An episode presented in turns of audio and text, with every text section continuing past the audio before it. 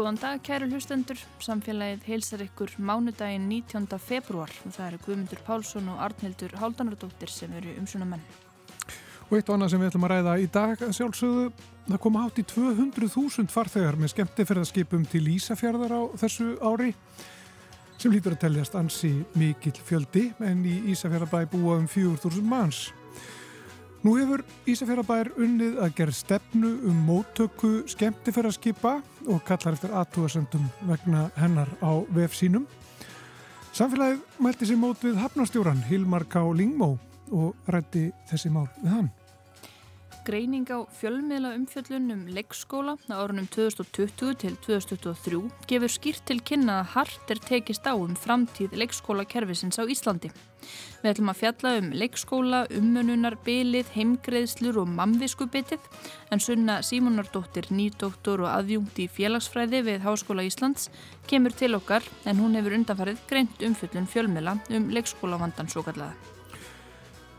Við heimsækjum líka þjóðskjálasafn Íslands og ræðum þar við hans Hrinsson skjálavörð um stort verkefni sem hann er að vinna í þessa dagana. Post, postsendingar með loftskipinu Graf Seppelín koma þar við sögu meðal annars. En við byrjum á skemmtifæraskipum.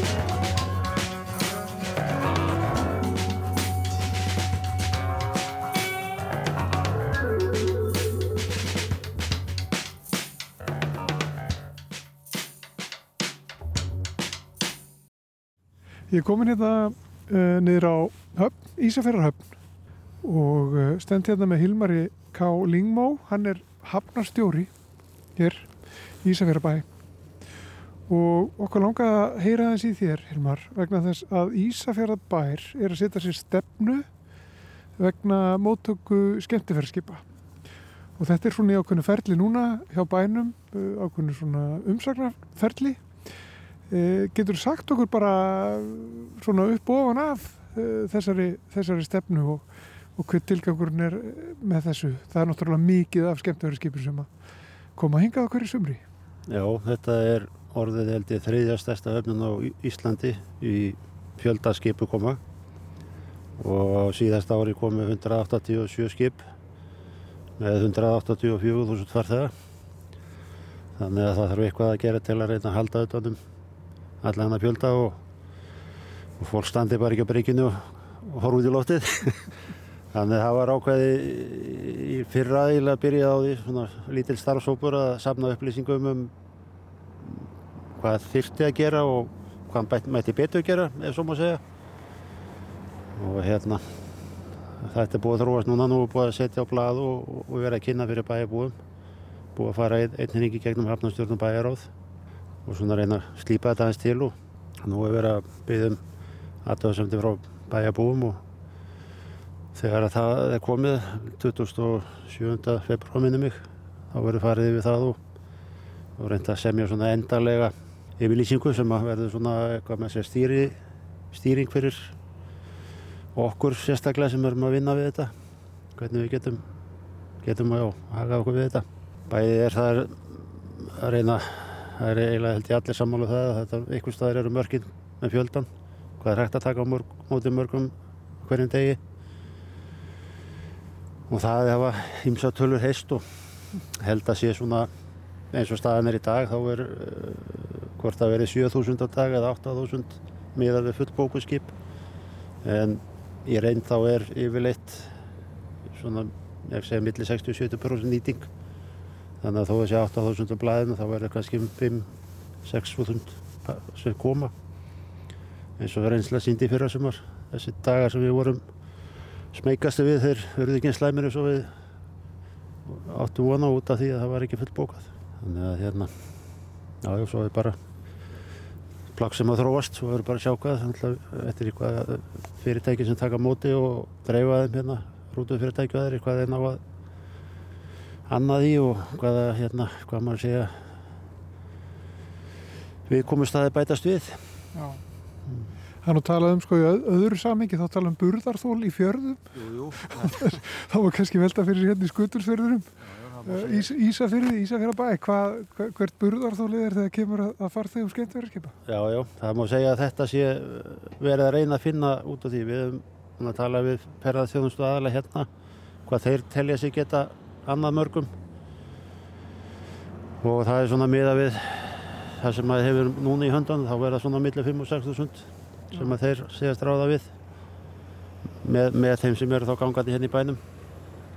En eins og sé, ef það bætist við, eins og nú hefur verið áformum að setja kláf hérna, ef að það verður að veruleika þá kannski annar það 500 manns í ferðir þannig að þá bætist við flúruna. Já. En íbúar hér, uh, ma manni heyrist svona að þetta leggist nú misvel í fólk hérna. Það, það getur svolítið mikill ágangur þegar að bærin fyllist allt í hennu að fólk sérstaklega þegar eru kannski já, fleiri neitt skip í höfn í einu. Já, já, það var í fyrra sumar voru 5 dagar sem voru ja, um 6.000 og yfir 6.000 og maður heyrði það svona þegar leiða svona í endaðan ágúst að þá voru allavega nokkri sem kom að tala við mig og segja þetta væri svo sem allt í lægi en þetta væri ekki í lægi ef þetta væri margir svona dagar í röð Nei. Já. Þannig að það er, og núna er komið nýtt bókunarkerfi fyrir allar hafnir á Íslandi og þeir sem eru að hanna það, þeir eru að eru að reyna að vinna í því að, hvernig er maður að segja, ný, eh, nýtingin dreifist á fleiri daga heldur en En eins og þau sögðu að það er ekkert mál fyrir 26 en það verða með árið 24 af því að það er alltaf löngum búið að bóka, það er þrjú ár síðan var bókað fyrir árið 24 sko. Þannig að það er erfitt að bakka með það sem að búið er að lofa. En framtíðin þá vonandi virkar þetta betur þannig að, að þá hérna stýrist þetta betur. Það er náttúrulega líka verið talað um sko hér og víðar bara allstar þar sem að þessi skip koma. Eh, það fylgir þeim náttúrulega mengun. Það- vélarnar eru í gangi eh, til þess að náttúrulega bara halda halda öllu gangandi um borð eh, meðan að skipin eru í, í höfn. Eru ykkur hvaðir settar á, á skip sem koma hingað? Er það hægt? Eða eru ykkur eru ykkur viðbröð vegna þessa? Já, við erum núna búin að gera samning við hérna norsk fyrirtæki sem að heitir EPI, kerfi sem þeir eru með. Og skipin þurfa að gefa upp hérna gegnum Norsku Veritas hvernig, hvaða ólíu þeir eru að brenna og, og, alls konar hluti þannig að það gef, gefi stuðull. Reykjavík og Borg getur notað þetta þannig að þeir sekta skip sem eru menga meira og gefa afslátt ef skip eru hérna standa sér vel en lagaumhverju á Íslandi þannig að það er eina höfnin sem á nota þetta er Reykjavík raunna því að það er enga hlutafélag eða svo sé hafnir á Ísafjörði sem svo til dæmis eru ríkistyrtar við megum ekki nota þetta kerfi. En núna erum við konir í sam, samstarf við þessar normin og við getum safnað upplýsingum. Og ef það gengur að breyta regluverkinu á Íslandi þannig að við getum farið að nýta þetta þá gerum við það. Þannig að hérna og svo veit ég líka, búin að heyra það utan að mér með skipafjölum, þau eru að öll skip sem eru smíðu í dag eru smíðu til að geta hann er gott verið að ramaksi eða hérna jafnvel brent í argasi. Þannig að það mengar þá minna heldur en gömlu skipin. Og ég til dæmis byrjaði að vinna hérna 2018 á höfninni. Og þá var bara oftar en ekki sem var þungskið hérna yfir en síðasta sumar ef það kom reykur upp á skipi þá vakti það eftirtekta því að það var bara, já, það sjálfséð Já. þannig að það er vera stór breyting á hvernig þau hafa hagað sér bara skipahjölum sem koma hérna og það er kannski læri þröskuldur líka Já. hjá bara íbúum hér og fólki sem að sem að er á ferðinni hér Já, ég held að það sé líka að taka betur eftir þessu og fylgjast betur með heldur en var hérna áður fyrr sko. og hérna þannig að ég hef heyrt hjá þeim á Faxafálu höfna að, að þeir hafa verið að keira þetta núna í tvö ár að það hefur batnað sem sé meðaltali á þeim í þessu kerfi meðan frá því bara tókut upp. Þannig að skipahjölun sem finna það að það gengur ekki að koma með einhverja mengunarvalda hérna þeir bara senda það önnur skip sem eru betri til þeirra sko. Og þá það sér hinga líka því að eins og þetta verist verið kert svona flest skipin þau koma annarkot á landa seðisfyrði og svo Akureyri Ísafjörður Reykjavík og jafnvel Grundafjörður líka og svo jafnvel bakalegina líka ef við skiptum farð þeir Reykjavík.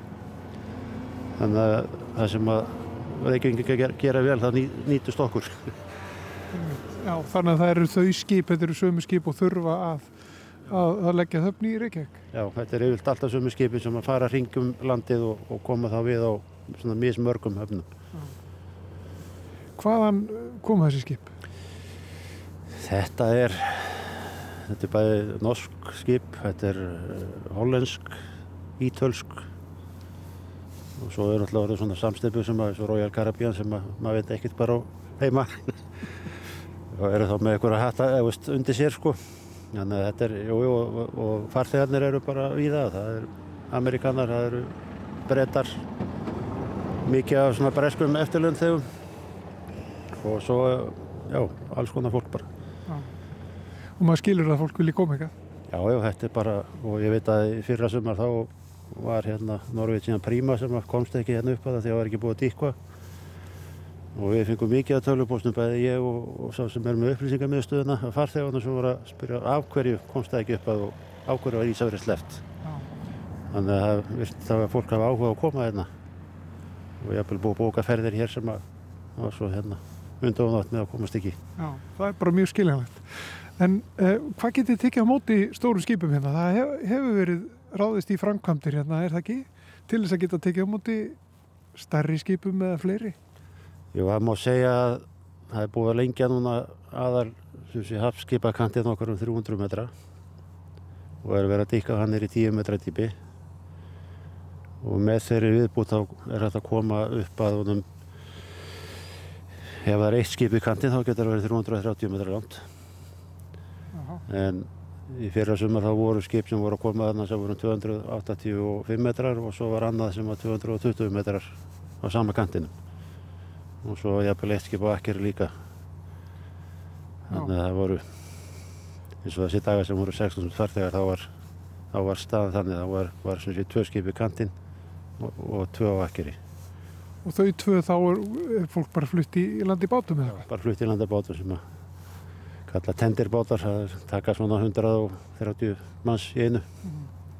Við erum bara stöðum ferðin frá mótniti þá getum við fara. Já. en það munna fyrir höfnina ef skipi kemur upp að þessu skip sem er með kannski 2000 farþega. Munar á því að hafa það á akkir eða koma því upp að bryggju það eru 2,5 miljóni hannagjöld bara munar á því. Jaha. þannig að þetta munar miklu fyrir höfnin þessar framkvæmdi sem búið að fara í. Og hérna margt annað eftir að gera fyrir þennan en bara þessa höfn. Og er þetta mikla tekjur að, sem að höfnin og þá bærin og, og ferða, þeir sem eru í ferðarþjónustu hér og svo framvís hafa af þessum farþegum? Þetta eru, eins og nefndir aðan, þetta eru, þetta eru margir eh, farþegar sem koma hérna hverju ári. Já, ég er nú bara með töluna fyrir höfnina sko, höfnin var með 630 miljónur í tekjur á síðast ári og af því voru 458 miljónur af skemmtöðarskipunum Mhm. þannig að þetta er svona stærsti Tekjul- Langs, langstæsti já, tekjulur Já. hafnarinnar og fer vaksandi eða hvað? Ég held að þetta sé komið í jafnbæði núna. Það voru bókuð 206 skip 23, það komið 187. Í ár eru, eru voru bókuð 205 en það er þetta dottir í 200 núna. Þannig að mér sýnist að þetta endi bara í svipuðu, svipuðu fjölda. Hvernig kemur fyrsta skip? 13. apríl. Þú þurftir ekki að fletta þessu. Nei, þetta er, þetta er byrjun á vertíðinni. Já, og hvernig fer síðasta skip? Það er nú komið núna, þeir eru þessu bjarsinir, þeir eru að bóka hérna held ég fram með 20. oktober Já. sem að Er þú ekki björnsinn á það? í haustin hérna á Íslandi er nú þannig að það er ekki á, bók, á hérna, vísan að róa með það. Nei. En það hefur endar í síðasta sumar sl- slappað til, það var síðasta skip í 20. september.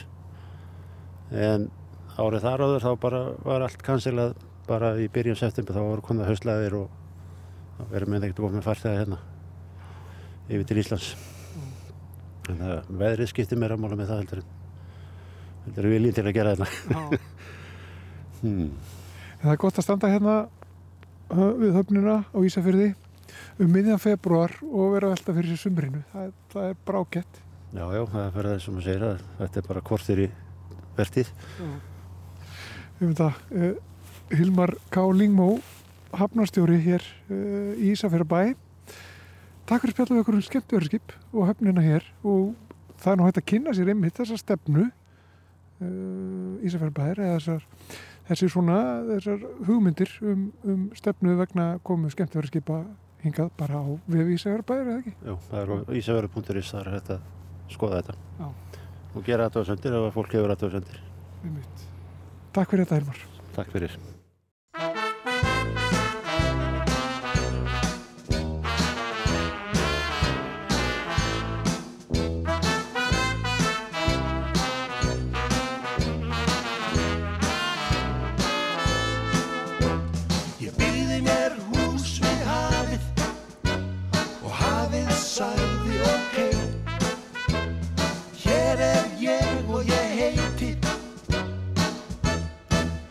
Hudson Bay Í kvöldsins hæláta húmi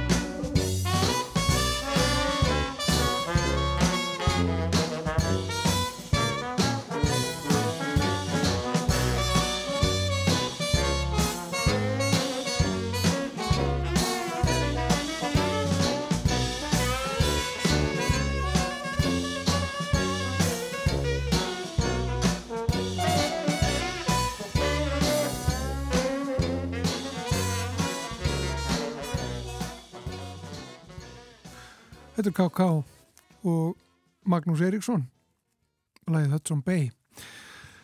Lag eftir Magnús uh, við texta eða ljóð eftir Stein Steinar.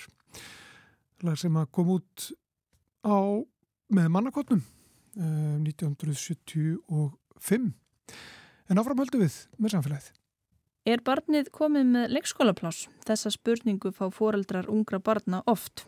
Leikskólamálinn hafa verið í brennideppli undarfarið, skortur á plássum, skortur á starfsfólki.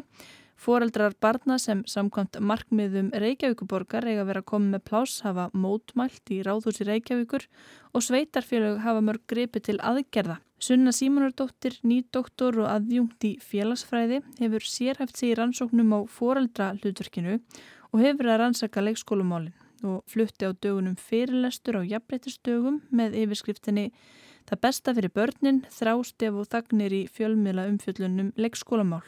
Og sunna er komin hingað í samfélagið. Velkomin. Takk fyrir. Ertu til ég að segja okkur aðeins bara hvers vegna þú fórst að skoða þennan heim? Algjörlega. Eh, ég er nú búin að vera að skoða fóröldarhlutverk síðan 2012 þegar ég byrjaði doktorsnámi, lauk því 2017 og hef verið að skoða þetta allar götur síðan og ég er að skoða þetta út frá margvíslegum vinklum en svona kannski það sem saminar minn rannsóknar áhuga er þessi hugmyndum fóröldramenningu þar að segja hvernig hugmyndir okkar um fóröldarhlutverkið þróast, breytast líka hvernig svona kröfur til fóreldra breytast og jafnvel aukast. Eh, ég hef áhuga á þessum svona kynjaða vinkli þegar kemur á fóreldralhuturkinu því að við búum á Íslandi og teljum okkur oft trúum að hér er ekki fullkomið jafnbretti en þegar kemur á fóreldralhuturkinu þá er það auðvitað ekki þannig. Og hvernig kemur leikskólinn inn í það? Leikskólin er náttúrulega dæmi um eh, svona grunnþjónustu sem snertir líf allra fóreldra vegna þess að hér á landi er atvinni þáttaka kvenna mjög há og við mögum vera ánað með það. E, Atvinnileysi er lítið þannig að í lang, lang, lang flestum tilfellum þá er það þannig að börn fara á leikskóla eftir að fæðingar og lofi líkur og þetta er í raun og veru bara svona þjónusta sem að skiptir fóreldra öllu máli svo að þau geti farið út á vinnumarkaðin og borga sína reikninga og, og í raun og veru líka held ég að leikskólakerfið eru þetta þetta er líka nám þar sé börnin eru þarna vegna þess að, að þau eru að auka sín félagslega þroska og svo framvegist þannig að ég held að okkur Íslandingum þykir greiðalega væntum leikskólakerfið okkar og mörg okkar sem hafa búið erlendist það sem eru ekki svona góð kerfi.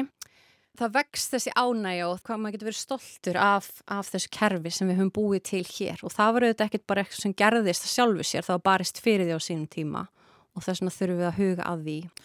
Og það hefur verið ábyrjandi umræðinni mitt, það er skortur á, á plásum, það eru ekki nógu margi leikskóla kennarar sem að útskrifast, það er mannekla og mm. mikið um, um kulnun og svona starfsmanna vandamála mm -hmm. í mhm. leikskólum. Og þetta tengist þá í rauninni þessum viðbröðum sem að sveitarfélagin ráðast í til þess að mhm. reyna að brúa þetta umönna bíl, fæðingrálóðið bara 12 mánuður mm -hmm. Og það er alls ekki víst að börnin komi stað þá. Einmitt, þetta er náttúrulega búið að vera viðvarandi ástandi í daldi langan tíma að á Íslandi þá búið við, við svo kallar umönnar bíl. Það er að segja að það hefur ekki verið treyð dagvistun fyrir börn að loknu fæðingrálóði og Íslandi er eina landið á Norðurlöndunum sem býr við þetta umönnar bíl og það sem gerir síðan þegar að fæðingaróluðu var lengt upp í tólmániði að þá komu fram svona á sveitarstjórnastíginu voru gefin ákveðin lofurðum það að það ætti lóksins að, að brúa bylið þar að segja að tólmánabörnum ætti að vera búðin leikskóla vist. Sem síðan auðvitað raungerðist ekki eins og við þekkjum Þannig að það er búið að vera greiðlega mikil umræða um vanda leikskólakerfisins, uh, bæði á pólitiska sviðinu líka frá leikskólafólki sjálfu sem er að benda á erfiðar vinnuaðstöður, mikla starfsmannaveldu, ofþraungarými og þessi umræða hefur auðvitað bara svona skotu upp reglulega í, í íslenskum fjölmjölum og það er þessi umræða sem ég hef svona verið að sapna saman og greina. Já, þetta er þrástefið þá, eða þrástefin í umræðinni. Þrástefin eru óbúslega mörg, það er einmitt hvaða svona hugmyndafræði byrtist okkur í umfjölluninni. E, eins og ég hef mikið verið að skoða heimgreislur sem ákveðin svona plástur á þetta laskaða kerfi, að þá er það svona dæmi um, um þrástef þegar heimgreislur verða einhvern veginn skilgreindar sem einhvers konar svona, eitthvað svona sem maður getur létt á leikskólakerfinu. Þannig að við erum alltaf að reyna að finna einhverja lausnir en kannski erum við ekkert alltaf að horfa á lausnir til langstíma heldur möguleikur og svona skindilausnir sem hafa alls konar aðrar ófyrirsíðar afleðingar. Og þú ert svolítið að beina sjónum að slíkum afleðingum. Nú eru svolítið mörg sveitafjölum búin að taka upp þessar heimgræslir og mér sínst þetta vera með til kringum 150.000 mm -hmm. og verða þá með þetta við dagfóraldarkerfi er það ekki? Einmitt. Hvað væri greitt með badni og dagfóraldri? Jú, akkurat. Þetta heimgreislur, það var eiginlega ekkert fjallað um heimgreislur lengi vel í íslensku fjölmjöla umhverfi og svo verður algjör sprengingu umfjöllin þarna á hvernig tímubili og það er í raun og verið þessi jarðvegur, þessi leikskóla vandi eins og hann hefur verið eitthvað skilgrindur, hann er þessi jarðvegur sem að heimgreislur spretta upp úr. En ég held að það sé mikilvægt að hafa í huga að það er komin reynsla á heimgreyslukerfi á hinnum Norðurlöndunum. Þau eru búin að vera líði lengi um, í Finnlandi og líka í Noregi og það er rosalega margt sem við vitum um heimgreyslur. Það er að segja við vitum að það eru fyrst og fremst mæður sem þykja heimgreyslur. Um, það er ekki bara fyrst og fremst mæður, heldur að það yfirleitt mæður með látt mentunastig, um, með læri tekjur og oft innflytjanda bakgrunn. Þannig að ég held að þegar við tökum svona skref í það innleiða svona kerfi að þá þurfum við að fara fram óbúslega góð greining á því hvort að við séum að skapa eitthvað kvata til þess að skerða atvinni þáttöku hvenna líka bara velta fyrir sér stjættavinklinum hverjir hafa efnahagslegar forsundur til þess að láta heimilisbókaldið ganga upp á 150 skrúna greiðslumánaðlega. Þannig að það er svona rosalega margir fletir á þessari umræðu sem að mér þykir mikilvægt að við einhvern veginn tökum. Mm. Nú hugsa kannski einhver sko já, fóreldrar eru hvort þið er í basli, Mm. annað fóreldri þarf hvort þið er að vera heimar þá ekki fínt að fá þennan 150 skallabit en ekki neitt. Vissulega er það það e, og ég get algjörlega sett mig í þau spór og ég held að eins og þú segir að það séu fóreldrar sem að hugsa þannig. En nú held ég enga síður að við þurfum að gera þá kröfu að kerfin sem að eru byggð í kringum okkur og eiga þjóna okkur á þeim stað sem við erum hverju sinni að þau byggi á almennri þjónustu sem mætir þörfum einstaklinga en ekki einhverjum sértækum bótum sem að geta jafnvel haft uh, greiðlega svona smitt áhrif vegna þess að við vitum auðvitað eins og staðin er núna með þetta ummunnabila. Það eru konur sem eru miklu líklegri til þess að brúa það. Þær draga úr vinnu, þær e, lengja fæðingar og lofdreifa því á fleiri mánuði og svo framvegis og þess vegna er svo mikilvægt að brúa ummunnabilið en það verður ekki gert með heimgreðslum. Eins og staðin er núna þá myndi ég segja að, að íslenski fóreldrar sem standa frammi fyrir því að koma börnunum sínum ekki inn í, í dagvistun að þau kannski hafa ekkert raunverulegt val um það hvort þau þykja heimgreðslur eða ekki vegna þess að, að raunverulegin er bara að sá að það þarf að bregðast við og þannig er auðvitað ekki bara að tala um það er ekki bara vandi leikskólakerfi sem slíkur til þess að taka móti börnunum heldur er að það sem gerðist líka þegar stjórnmálfólk fór að lofa plássum við tólmánaðaldur, þá skapast væntingar og þá verður svona bara í raun og veru hnignun í dagfóreldrakerfinu sem var það kerfi sem að syndi þessu millibils ástandi, við getum orðað það þannig. Þannig að þá eru hlutinir eiginlega bara verri heldur en þeir voru þegar sko farið var að stað. Að þetta kerfi þá er einu með dag, heimgreðslunar, mm. þá festir það kannski í sessi í rauninni í bæði það að börn komist setna inn í leikskóla mm -hmm. og að foreldrar taki við af stjætt dagforeldra.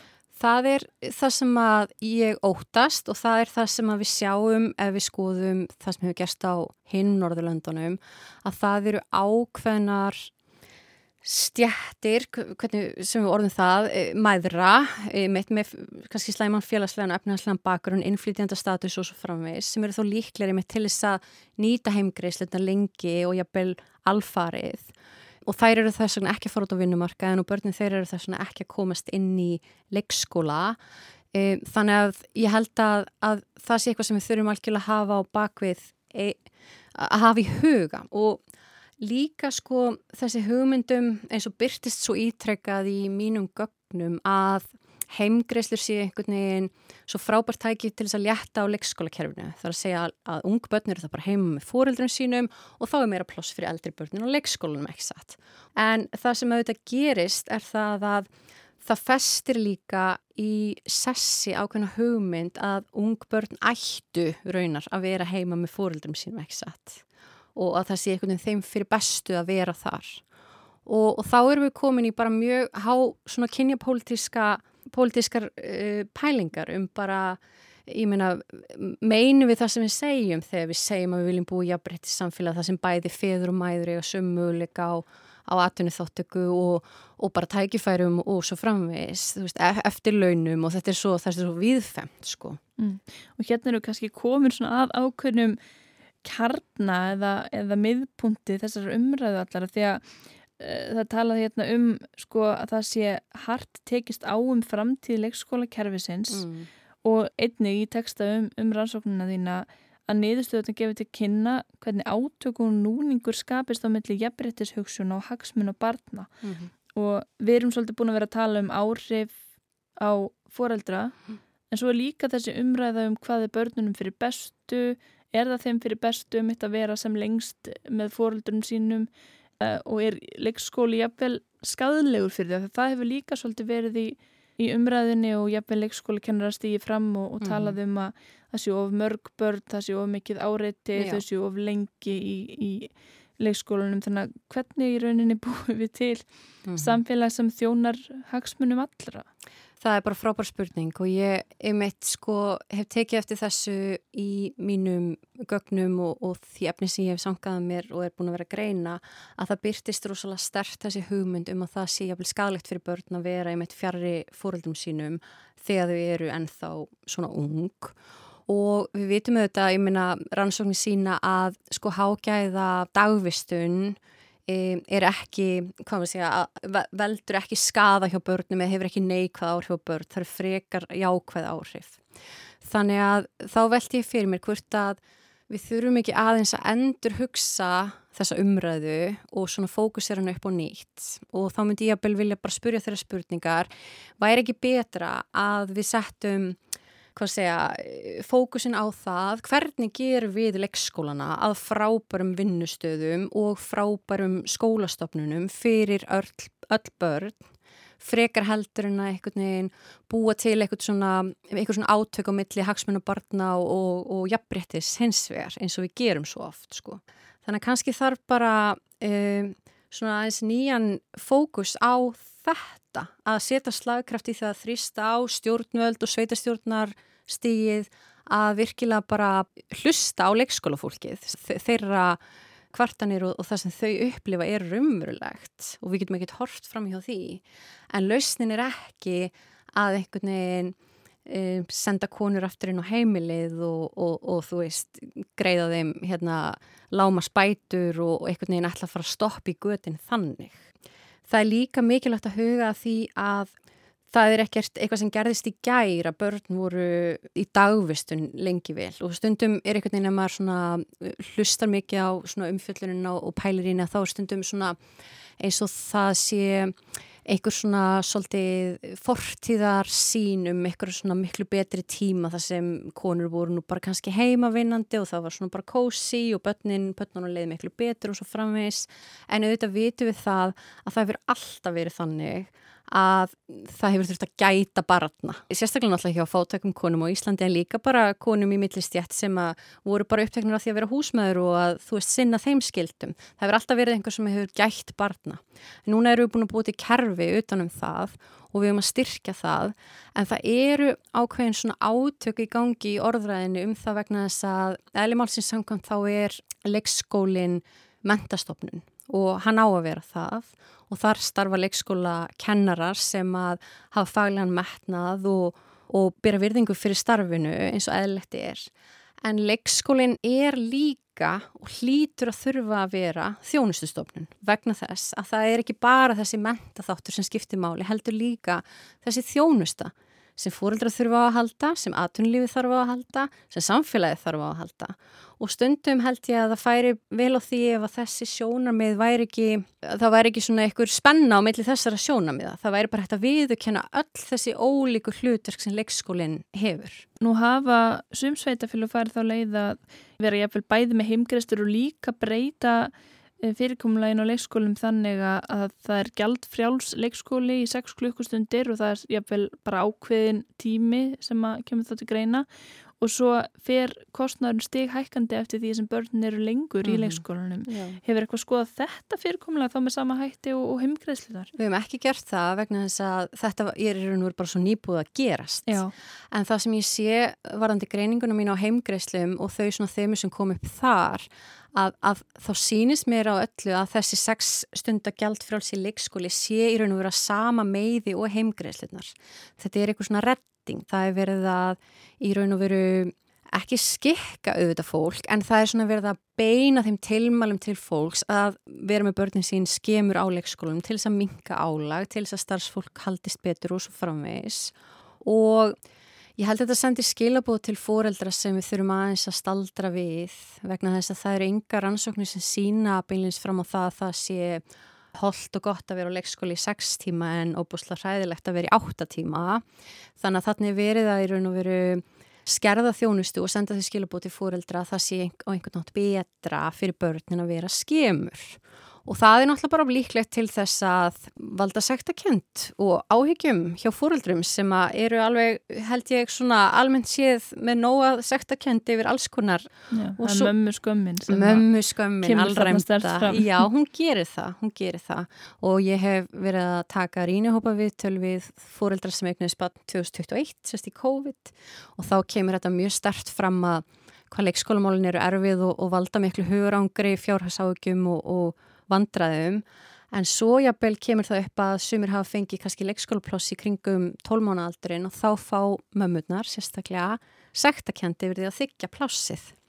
Þannig að Ég held að við þurfum að vera rosalega vakandi fyrir þessu og ég óska líka eftir að það verði einhvern veginn, já við séum ekki alltaf að tala út frá þessu millistjættar foreldri sem hefur svigðrúmið, vinnur kannski á þannig vinnustad, það getur klára vinnudaginn heima, það er ekki á stimpilklukku, það hefur bakland, það hefur sveianleika, efnahagurinn er í góðu lægi og svo framvegis. Og ég veit að umframtímanir eins og hjá Kópásbæ eru tekjutengdir en þú þart kannski ekkert að vera með neitt rosalega háar tekjur samt til þess að tekjutengingin byrja ekki að tekka. Mér finnst rosalega margt í þessu sem að, sem að ég hefði vilja sjá vinna betur, betri greiningar, eh, kynja greining og svo framvegs. Að lokum bara svona að því þú hefur verið að skoða mikið stöðu fóreldra og barna og í þessum rannsóknum hvaða kraftar er það í rauninni í dag sem að toga fóreldra í ólíkar áttir? Er þetta einhvers konar kapitalísk áhrif eða einmitt er einhvers konar áhrif úr fortíðinu og talaður um mm -hmm. var ekki allt bara betra þegar að mæðurnar voru heima? Mm -hmm. Það sem að ég sé eh, óbúslega mikið þessa dagana er einhver svona hugmynd um það að fóreldra sé ekki að standa sér næla vel og ég held að það sé skilabóð sem beinast að fóreldrum úr óbúslega mörgum áttum að þeir séu ekki að forgangsraða rétt, að þeir séu að vinna mikið, að þeir séu ekki eða nú miklum tíma, þeir séu mikið í símanum og veist þessi umræða upplifi ég sem mjög sterka þess að dana og ég held að þetta tengist þessi svona hugmyndum ákafa mæðurinn og ákaft fóröldalhutverk þar sem við eigum einhvern veginn að, sinn, að setja alla okkar krafta í fóröldalhutverkið. Mér finnst þessi umræðastundum óbúslega ósangjörn vegna þess að alla rannsóknir bókstaflega sín okkur fram á það alþjóðlega rjámt sem innlendar að fóreldrar alltaf mis hafa aldrei eitt meiri tíma með börnunum sínum heldur en akkurát núna í sögunni síðan mælingar hófust, skiluru. Þannig að við erum vissilega að eða miklu meiri tíma með börnunum okkar heldur en kannski fóreldrar okkar gerðu og af og amma og svo framvegs. Þannig að það eru einhver svona öll kannski sem að vilja ala á einhverju svona hræðslu og sektakent sem að á ekkert rétt á sér. Þannig að stundu finnst mér eins og að, að þarna við þurfum bara aðeins að klappa fóreldrum meira á baki og segja bara vel gert, þú ert að halda á ansi mörgum boltum á lofti, þú ert að gera þetta best og það gengur bara nokkuð vel. Um, en auðvitað þurfum við líka, ef við viljum búið í samfélagi sem að það sem fólk getur eignarspötn ef, ef þeim langar til þess, þá þurfum við að styðja við. Það er ekki bara fóreldrana að, að axla ábyrðana, við þurfum kerfi sem að, sem að styðja við og hjálpa hjálpa fólki að samina fjölskyldu aðtunulíf, hjálpa fólki að, að einhvern veginn standa sig í þessu hlutverki. Takk kærlega fyrir að ræða þetta og þessar rannsóknir þínar við samfélagið. Takk.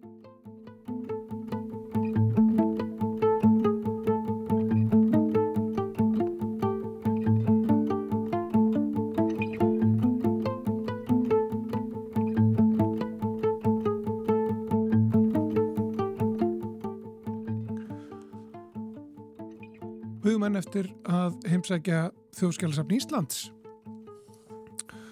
og hitta þar fyrir Hans Hrinsson skjálavörð. En áður við bregðum okkur þangað þá ætlum við að heyra eina málfarsminútu.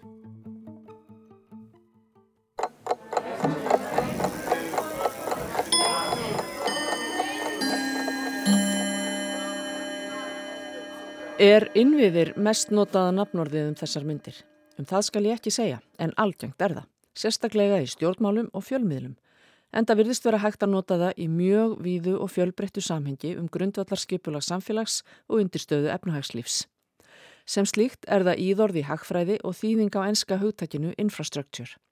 Og raunar virðist hugtækið vera enn viðtækara því að á VF Háskóla Íslands má til dæmis lesa um verkefni sem snýst um að byggja upp rafræna innviði eða innviða kjarna í upplýsingatækni sem er sérsniðin fyrir Íslandst vísindastarf. Þetta er sem sagt sannarlega nýtsamlegt hugtak, alls ekki nýtt í þessari merkingu þótt að hafi orðið æg meira ábyrrandi á síðustu árum, en það verður að segjast að merking þess er mjög víð.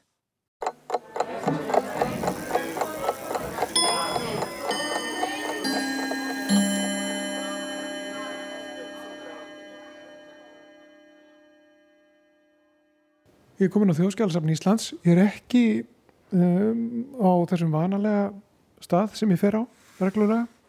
sem eru höðustöðanar og uh, ég er hérna í, já, tildulega nýri aðstöðu þjóðskjálasapsins við Sundahöfn og hér eru geimslur og hér fer fram skráning á skjölum sem er verið að, að taka inn í sapnið eða svona verið að, að ganga frá inn í sapnið þannig að það sé hægt að, að ganga þeim vísum þessum skjölum og leita í þeim uh, og svo framvegs og hér hjá mér er Hans Hreinsson, hann er skjálaförður hér hjá þjóðskjálasamnu um, það er eiginlega þannig að það koma hérna inn skjöl í hús, hérna næri hæðinni þau eru flutt hérna upp á öðru hæðina og þá kemur þú til skjálana ef, svo má segja og, og uh, ferði gegnum þetta sem er að koma hérna inn skráir eftir ákveðnu kerfi, ekki satt um, og núna eru þið með ansi stóra sendingu, er það ekki, sem þau eru að fara í gegnum? Jú, þetta er til dæla stór satt sem við erum núna búin að vera að fara í gegnum og það kom hérna í öruglega nokkur hundruð papakausum lausar bækur bara í papakausunum, ekki búið að hreyfa við þeim í tónleikum marga tugi ára og þetta er svona samt frá sem við kallum núna post og síma þannig að misa hvað þetta hétt þessi stofnun á sínum tíma. Og þetta eru svo kallar post-sendingabækur post-kvittanabækur, post-ávísinabækur þetta er einu svona hálfgert bókald um sendingar post-sendingar á landinu. Og þetta sapnær frá 1880 um það byll og eitthvað, eitthvað fram yfir stríð í þetta skiptið og þetta kemur eins og segja, þetta kemur bara til okkar í pappakausum á vörubretti þó nokkuð mörg vörubretti og við þurfum að taka þessar bækur upp úr kausunum og flokka þær og þetta er náttúrulega já ég er ekki með tölun á hreinu mörg hundru bækur, örgulega þúsund bækur og við flokkum þær fyrst eftir tegundbóka er þetta póstsendingabækur, póstkvittanabækur og frammeðis svo eftir landfræðilegum uh, eftir já, hvaðan bækurnar eru. Þetta getur verið á pósthúsinu í Neskvistad eða Ísafjörði eða Reykjavík eða jættil á Esju sem var strandferðarskip þá var pósthús þar til dæmis. Flokkum þetta þessu og flokkum þetta svo þar eftir í tímaröð. Þannig að við þurfum að ansi þess að þú sér hérna inni þetta er svolítið stórt plás og margar hillu sem við höfum. Þetta er bara til að ræða safninu upp til að fá ákveðna yfir sín þegar það er komið þá pakkum við þessu saman í sjókvæmlega skjala öskur til að venda þér og skráum hverja einustu bók þarinn hvað hún er og hvaða tímabil hún er yfir. Og svona sem dæmi þá tók ég hérna nokkrar bækur. Hérna er til dæmis ein svo kallið postsendingabók sem því í rauninni bara kvittum fyrir að pósturinn hafi tekið á móti þessari, þessari sendingu og það er alltaf fremst er ákveðin text í hverju bók sko. Í bók þessa sem er gegnum dregin og innsikli landsöðingjans uh, fylgjandi er sett á sem er 24 blöð skal rita all ábyrðabref, peningasendingar, bögla og aðra hluti sem skila er til flutnings með hennum konunglegu postum á brefhyrðinguna á hálsi í Fnjóskadal og skal það gert í viðvist þessum að uh, svo miklu leiti sem því verður við komið það er skrifað undir landsöðingin yfir Íslandi eh, Reykjavík 1894 og Magnús Steffensen mm. og svona lítur þetta sem sagt út við getum séð hérna bara bara eitthvað skemmtilegt dæmi uh, hérna til dæmis hefur verið sendt ábyrðarbref til hennar Mari Jóhansdóttir Hraunfelli frá Eh, Sigurði Átnarsinni og þetta kannski hljómar ekkert uh, spennandi svona eitt og sér en þetta er kannski hluti af þetta er ákveðið curiosity og þetta kannski getur verið hluti af uh, svona sakræðanlegur ansóknum að þú ert með mantöl og þú ert með kirkjubækur sem segja til um hvað þú bjóst og fjölskyldu hægi og hérna getur þið séð svona, í hvaða samskipti fólk var við annað fólk eða stopnarnir eða fyrirtæki og og það getur náttúrulega verið bref sem að skipta tölur um áli uh, sem að ég hægt að rekja þá í gegnum þessa bækur. Algjörlega. Og, og er þá, er sko skráningi þannig að um, mjög grunnar að það hefur eitthvað, eitthvað bökull verið sendur eitthvað staða frá á okkunnum tíma fæ ég þá uh, aðgangað hverju? Er, er sko það er ég, veist, það er ekki Vagn Jónsson sem er að senda hérna frá Ísafjörði Já. uh, Á Ísafjörð. Á Ísafjörð já. Eh, ég get ekki leita að Vagni Jónssoni eða hvað í kerfinu, þetta er ekki svo nákvæm Nei, þetta er ekki svo nákvæmt. Það væri möguleikin, það er alveg gríðarlega vinna að koma þessi nýra nöfn. En þetta er nú eins og bara, eins og þegar leitað er í kirkibókum og fleiri bókum og þú ert að vita ákveðnar upplýsingar. Já. En þess vegna erum við að flokka þetta eftir staðsetningu og tímabili. Þannig að ef að amma þín bjó í ykkur umhreppi á Östurlandi ákveðin árabili þá getur þú fengið þær bækur. Þar er ekki endilega það margar. Geski gegnir aðeins öðru málum Reykjavík, það var svolítið starra. Og þá getur þú reykið þá hérna hans eins og Vagn Jónsson kemur svo betur á reglulega fyrir. þetta er 1950 sem við vorum að skoða Þetta er 1952 og Vagn Jónsson sendir hérna síðasta hérna stendur á, þetta er ábyrðabrjöf til frímerkjasölunni Reykjavík og þetta er einmitt af uh, póstuðin á Kollsá í, heldur að sé Jökulfjörðum. Þetta er, Vagn Jónsson var einmitt síðasti ábúandin í, ég held að veri aðalvík sko. Og þetta er svolítið svona byggðasöguleg heimild líka því að ég hérna með aðra bók sko sem að er sem að er frá höfn á hotströndum og þar er rauninni það sama. Hérna er eina síðustu sendingunum er maður að nafni Kristinn. Og með smá leit þá hlýtur þetta að vera þetta er sem í hvað er þetta, júli 46 og Kristinn Plató Grímsson er skráður fallið nafn, algjörlega. Hann er skráður einmitt síðasti ábúandin á uh, hvort það var í Hortni á Hortstöndum og svo sér það hérna hér líkur bókinni og það er rauninni bara að þessi byggð fór í eði og það er 30. ágúst 1946 sem að síðasta sendingin.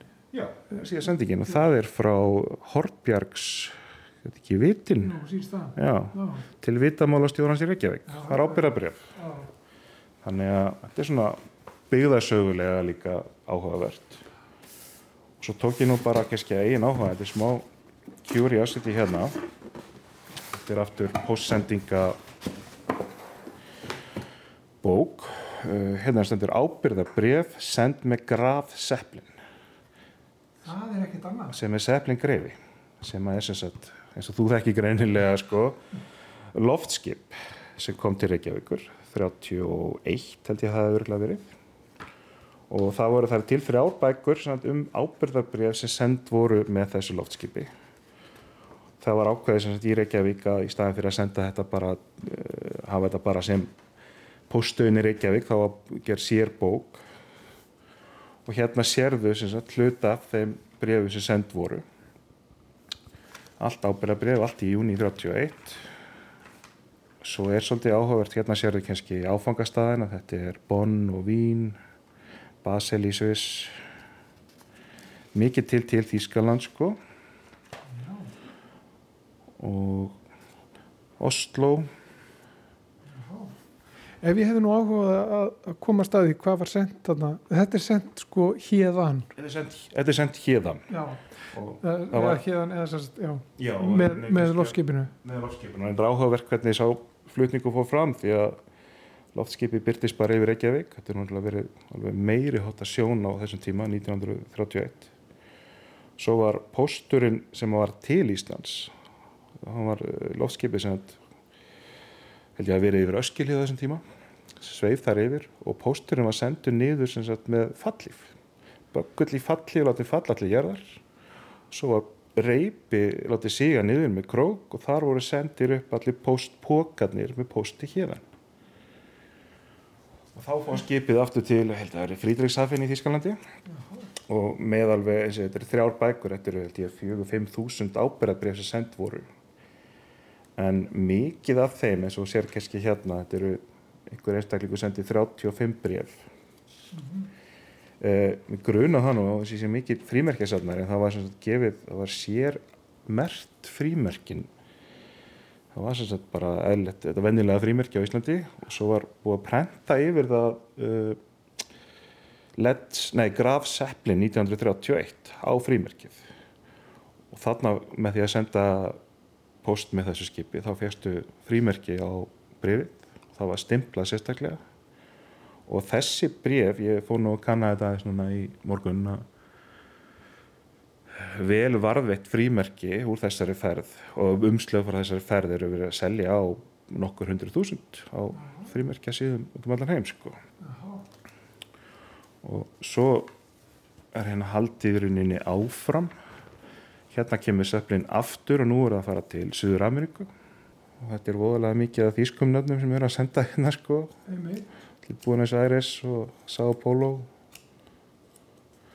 Og svo heldur við áfram í þessari bók. Og það eru svona fleiri flug. Hérna til dæmis talað um Solbergsflug ágúst 1935 sér stimpill fyrir það. Það var hann uh, Tór Solberg, normaður sem að flög frá New York til Oslo á flugbót. Ágúst 1935 kom hann við í Reykjavík og tók post það var alltaf þingi postur Já, nota ferðina. Not, nota ferðina sko. En aftur gruna mig þú sér hérna hérna er Adolf Róm að fá mörg, mörg bref, ykkur að tugi brefa og ég fann einmitt á ykkur, ykkur síðunni, vefsíðunni það, það er til sölu bref sem er til Adolf Róm frá Íslandi sem að ja, bref sem er hér er til ykkur staðar úti sko. Ákveði curiosity þar. Og svo kannski eitt hérna í viðbóta því ég hef svo pínu gaman að þessu flugi sko. Hérna stendur sko ábyrðabref send með hópflugi Ítala frá Reykjavík til New York, Chicago júli 1933 ég veit ekki hversu þekkt það er það komu hérna í júli 33 kom uh, maður er með flottanarni Ítalo Balbo. Hann var uh, flugmarskálkur, ég held að hann hafi verið flugmálar á þeirra í Ítalju, fasisti á Mussolini. Og það sem sagt kom 24 mjög stórar uh, sjóflugvilar flugu hérna yfir borgina lendu rétt fyrir austan við þeim og það kom og voru hópferðir frá Reykjavík til að fara að sjá sjá hennar flota sem var náttúrulega alveg meiri háttar á þessum tíma. 24 risastóra flugvilar að koma til landsins. Allir í enginninsbúningum og allt sko. Og það er sama sagan hér sko að það er verið að senda bref fyrir stimpili, þetta er sama það var stimplað á frímerkin. Og oft sem er líka annað kannski svona áhugavert við þetta er að það var jættvel verið að senda bref frá Reykjavík með flugvilni sem fór til bandaríkina og ákverðunarstaðurinn er Reykjavík. Það er henni bara til þess ef ég, ég get ekki ímyndað mér annað en að fá stimpilin, fólk á jættvel að senda sjálfu sér bref bara til að geta fengið ákveði frímerki ákveði stimpil og átt þetta sem minjagrip sko þetta bref fór hérna frá Reykjavík með flugi Ítala til Chicago. Og svo með einhverju skipi tilbaka kannski einhverju mánuðum setna hérna til dæmis er sendandin Einar Ellensson viðtangandi er Sigrun Einarsdóttir hugsanlega dóttir hans.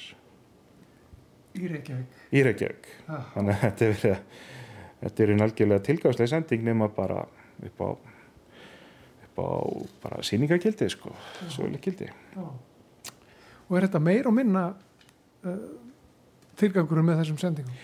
Ég þekki svo, svo sem ekki sko. En mig grunar það þegar kannski verið að senda 20 brefa sama einstaklingur er að senda 20, 30, 50 bref til sama einstaklingsins mm.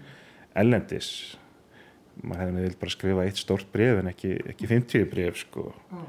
þannig að mig grunar að það sé mjög oft tilfellið mm. og ég las mér aðeins til sko það voru fólk sem sá eftir því að hafa ekki sendt bref með loftskipinu til dæmis því að það bara komi, komi ekki við það voru oft jætil dýrfrímerki það voru ábyrðabref og svona þannig að ég held að það hafi verið tilgangurinn í mörgum skiptum sko. mm -hmm. en eins og í öðrum bókum sem við erum búin að fara í gegnum sko, þá er náttúrulega þá er þetta bara venjulegu póstur sko, nema þetta eru ábyrðabref og böglar og það er, það er að leita mikilvægum sendingum mögulega, þú getur séð hverju voru í tengslu við hver aðra, kannski stjórnmálamenn eða verkefælisfóringjar eða eitthvað svo leiði sko. Eins og þessa bækur hérna, þetta lítur að vera svolítið mikið verk, þetta eru mjög margar bækur, þú, þú gískar á að þetta verður nokkur hundruð, jafnvel þúsund bækur. Já, ég er ekki með á hreinu. Ég við skiptum okkur verkum, við erum búin að vera hérna fimm eða sex að fara í gegnum þessar bækur. Þetta er búið að taka nokkra vikur. Við þurfum að skoða alla bækur, hvaða, hvers konar bók, hvaðan hann er, hvaða tímabil. Þannig að þetta er búið að vera ansið margar vinnustundir. Og, en þetta gekk bara mjög vel og þetta er bara mjög vandlega skráð. Og svo fer þetta bara í öskjur og upp í hillu og svo er bara Eh, skráin kemur líklega á neti fljótlega og getur fólk bara að byggja maðganga þessu Já, og byrjað. og byrjað En, en þú sjálfur sko sem að þú greinlega hefur nú áhuga á Ípsu sem að leynist í þessum bókum og hérna þessi bók sem varst að sína mér hérna með, með postsendingunum sem fóru með Graf Seppelin, þetta er náttúrulega mjög áhugavert og, og lítur að geta sko geta svona stólið aðteglinni hjá þér í vinnunni. Ertu horfandi hérna á esjun át og gluggan og, og, og gleymur þér stundum í, í þessum, þessum bókum? Færðu bara að lesa? Já, þetta er, þetta er kannski einna hvað sem að segja löstur eða líklega bara kostum. Það við erum flest sagfræðingar hérna og það sem er innbyggt í sagfræðinga er forvitni, þess vegna erum við alltaf að leita eitthvað upplýsinga og þú sér nú ansi ofta að maður horfir yfir hópin að það er eitthvað sem er að flokka ykkur að bækur og svo stoppar hann að byrja að lesa og svo fer hann að fletti ykkur í bókum og uh, við erum alltaf búin að skiptast á að vera hérna að lesa um postmálasögu Íslands og frímirkjasöguna bara til að fá betri dýft í verkefni bara fyrir skráninguna og svo bara ákveðin forvitni sko. Eins og með þessa bækur hérna með með síðustu ábúðundur og hotströndum sko, maður sér síðustu nöfnin, maður veit að það verður leggja stöðuna niður, þá flettir maður kannski upp. Hann er starfmaður hérna sem að fletti mitt upp bara, já, hver er þessi Vagn Jónsson? Mm. sér það, já, þetta er síðasti ábúandin þetta er mest ákveðist og mjög merkilegt sko.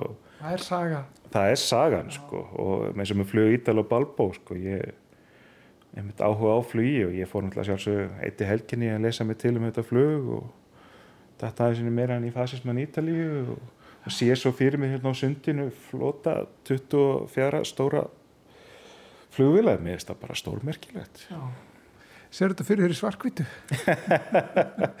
Nei, ég, ég er kannski gammaldags hérna, sem ríkvallin skjálavörður en ég, ég sé en þá í lit. En gaman að fá að spjalla við þig um þetta. Hans Reynsson, skjálavörður hjá Þjóðskjálasafni Íslands. Gangi ykkur vel með þetta stóra verkefni. Takk ég lega fyrir það. Með þessari heimsókn okkar á Þjóðskjálasafni Íslands ljúkum við eh, samfélaginu þannan mánudaginn þennan mánundaginn. Við verðum hérna aftur á dagskrá á morgun. Þá eru þrjið dagur. Já, við, við skulum búast við því. Já, ef við reikna rétt. En Guðmundur Pálsson og Arnildur Haldanadóttir þakka fyrir sig í dag. Við verðum hér aftur á morgun eins og fyrir sér. Nýrið sæl.